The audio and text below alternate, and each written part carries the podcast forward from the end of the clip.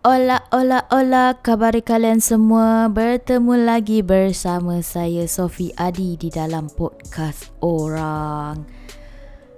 Selamat datang dan selamat mendengar podcast paling merapu di Alaf 21 ini. Assalamualaikum dan salam sejahtera and welcome back dear Seth peca perhabaan kalian semua. Aku harap semua sihat walafiat hendaknya.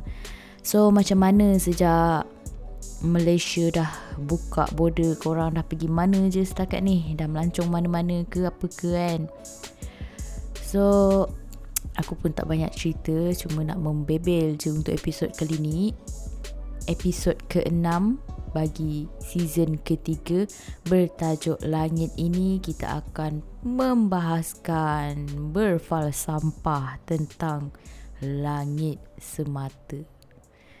Dan tentang kehidupan you know me always have to rant about life. Mengikut skrip yang telah aku tulis pada 8 Oktober yang lalu supposedly lepas je habis episod kelima hari tu aku update lah terus episod ke-6 kan. Tapi Ya, yeah, you know Dah 2 bulan, 3 bulan aku rasa baru Sekarang aku macam okay sikit untuk kembali bersuara Walaupun tiada yang mendengar Tapi tak apa, kita kembali saja. Skrip yang aku tulis hari tu berbunyi begini hmm. Memandangkan aku waktu tu baru je Border waktu tu baru je buka Dan kita huha-huha sekejap lah kan So Betulkan suara. Testing 1, 2, 3 Testing 1, 2, 3 Aku kalau podcast Aku suka layan The Minimalist. Kalau korang rasa nak input yang bagus Better korang dengar The Minimalist lah. Lepas korang dengar aku punya podcast Yang agak merapu meraban Yang tak tahu ke langit ke ber- Yang boleh bawa korang ke langit berapa Ataupun tenggelam ke Dalam lautan mana entah-entah kan. So baca je lah susah sangat ke nak baca tu. Jam pukul 1.28 26 November 2021 Sofi Adi membacakan skrip yang telah ditulis pada 8 Oktober 21 jam 1.1 pagi yang lalu. Langit Melaka hari tu cerah sangat sampai membawa aku ke angin utara Arau.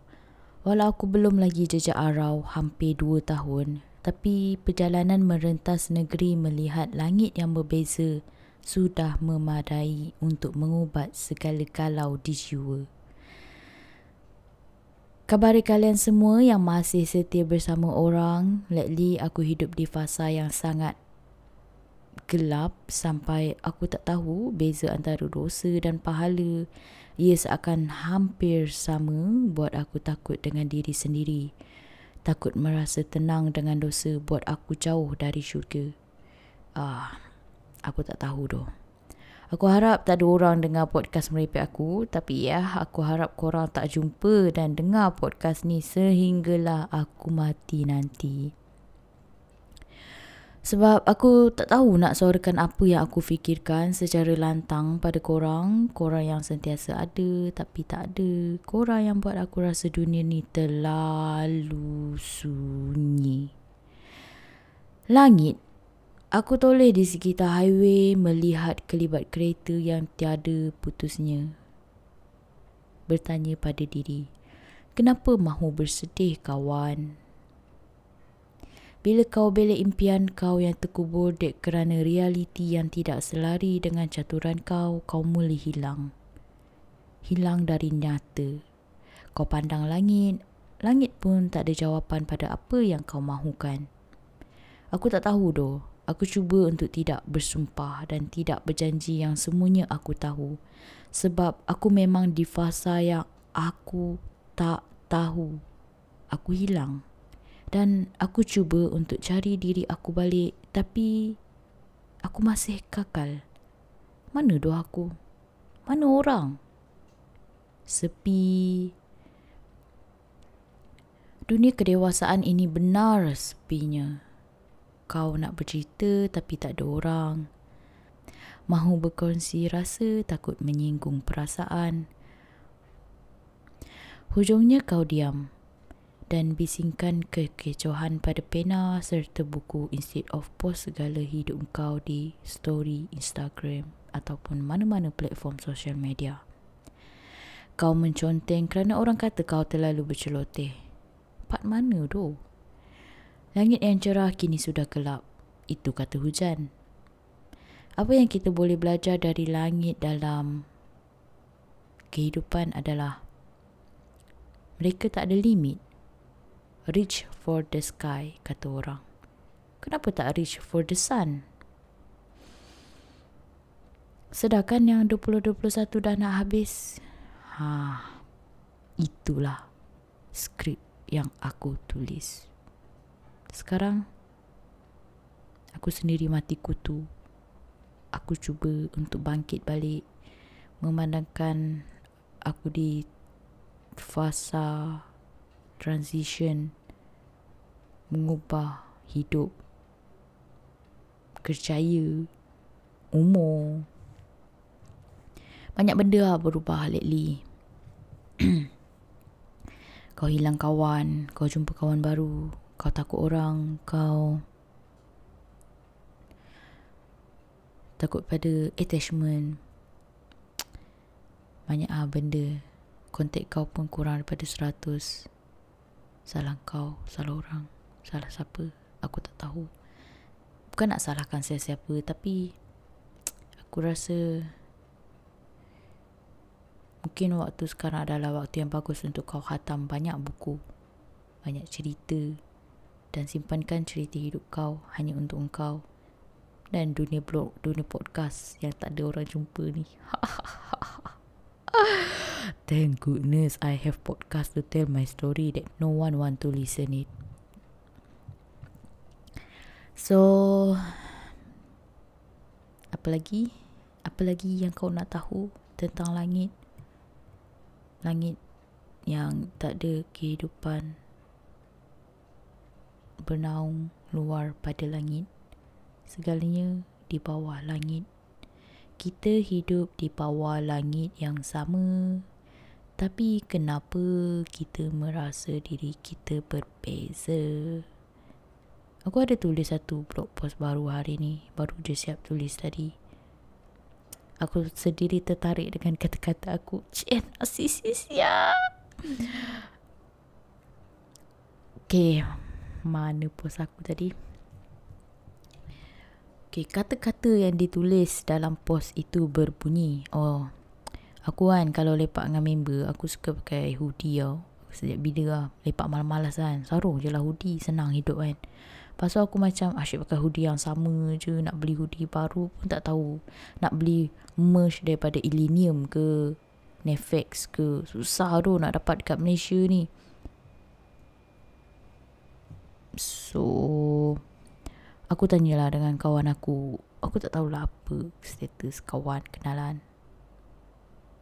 Peminat Ataupun apa whatsoever Aku tak tahu Aku tanyalah kot lah dia ada jual hoodie lagi kan Lepas tu aku macam kena reach je tu.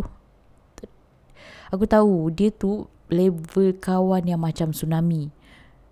Dia datang, dia datang macam tsunami tu dalam hidup aku. Tsunami kan dia datang berkala. Dia tak boleh predict bila. Tapi once dia datang, dunia terus hancur bai. Aku-aku sekali mati. Lepas tu aku macam tak apa aku faham lah dia, dia dah nak mati kan ke ada mental illness yang aku sendiri tak tahu kan. Al bunyi pula aku punya spray ni. Spray, spray. Okay, sama balik cerita kita tadi. So aku macam aku tahulah aku bukan barisan bencana alam yang boleh buat impak besar pada bumi. Aku tahu, aku buat apa-apa pun aku takkan berjaya punya. Aku tahu tu. Lepas tu aku aku adalah molekul yang hidup tanpa disyukuri oleh sesiapa melainkan pada mereka yang punya teleskop untuk menilai. So aku macam cuba sekarang ni aku macam negatif untuk positif. Aku baca buku satu tentang uh, Furiously Happy seorang penulis yang menghadapi penyakit mental illness secara um, yang betul-betul lah ada sakit kan. So dia ada tulis buku, dia cakap kat situ Dia cakap, dia cakap, dia cakap apa lah. Aku tak ingat dah. Dia cakap...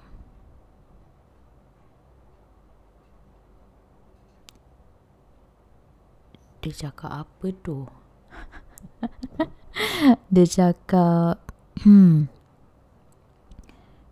Sumpah tak ingat. Last aku ingat dia punya cerita pasal dia pergi Australia je.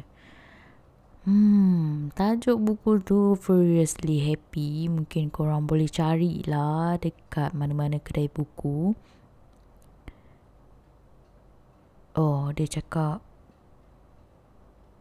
ya, buku tu ke yang cakap ke cerita banyak sangat lah tu cerita buku pun tak terekod pula cik buku tak terekod baca macam lah baca banyak sangat Oh sekarang buat masa sekarang aku layan lagu daripada kumpulan Arrested Youth kumpulan Arrested Youth selepas aku layan Netflix bulan lepas Illenium Imagine Dragon.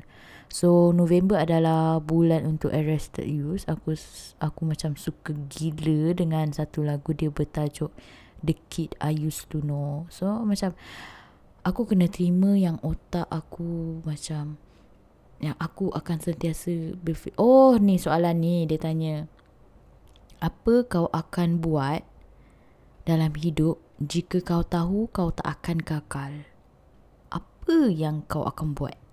So aku macam terfikir juga lah kat situ. Kalau dalam hidup ni apa yang aku buat semuanya takkan kekal mungkin aku pilih untuk gagal. Tu penulis tu cakap lah aku akan lawan dan akan gagal. Sebab aku tahu aku takkan gagal. So aku macam kalau aku apa yang aku buat kalau aku takkan gagal. Oh. Asal pula aku boleh terfikir benda tu doh. Aku macam Oh, oh aku tak pernah cuba pun tapi kalau benda tu berlaku apa aku akan buat kalau aku takkan gagal. Tak aku nak bunuh diri kot. Confirm terus mati Sebab aku takkan selamat. Well mungkin aku akan set up hmm, Mungkin aku akan melancong tanpa duit kot. Sebab aku tahu aku akan survive. Just pergi je tempat yang mana kau nak pergi Yang kau nak belajar tentang hidup dan Kau pasti survive punya Sebab kau takkan gagal kan So tu adalah bebelan episod langit kali ini. Episod yang agak santai dan tanpa skrip. Dan untuk November ni aku sangat aktif menulis blog sofiadi.com Aku berhenti kejap jadi alien oren Tak tahu kenapa Apa masalah aku Kejap aku rasa nak jadi alien Kejap aku nak jadi orang Kejap aku nak jadi Sofi Adi Somehow aku rasa diri aku perlukan pertolongan Tapi aku tak tahu macam mana kan. So aku still boleh survive Untuk selamatkan diri sendiri. Dan Dan dan dan dan dan dan, dan. Aku doakan korang semua bertemu dengan apa yang korang mahu. Dan selamat berbahagia untuk sesiapa sahaja yang mendengar podcast ini. So kata-kata terakhir sebelum kita tutup podcast ini adalah the only thing you can wear every day without hustle of any money is confident. So wear it proudly. Dan satu lirik daripada Arrested Youth Black X White petikannya berbunyi There's a box hidden under my bed full of all the thoughts I never have said Things I'm too afraid to say to my friends, words I'm too ashamed to say that I said. So, bonanza semalam aku bantai 10 pinggan macam biasa orang belanja dan untuk kau, kau, kau, kau yang tak reti pakai chopstick, dah pandai pakai chopstick belum? Okay lah, apa-apa hal aku doakan korang berbahagia selalu Jumpa apa yang korang nak Mencapai impian apa saja yang korang nak Dan sama-samalah kita target untuk Husnul Khotimah Itu sahaja daripada saya, Sofi Adi dan juga orang yang jernih diserap, yang keruh dibuang, yang baik itu datangnya daripada Tuhan dan yang buruk itu datangnya dari hamba yang doaif ini. Anda sedang mendengar orang Hashtag The Uprising of Nonsense bersama Sofi Adi. To the end, moga husnul khatimah. Adios amigos zaijen ilaliko wa ma'asalamah.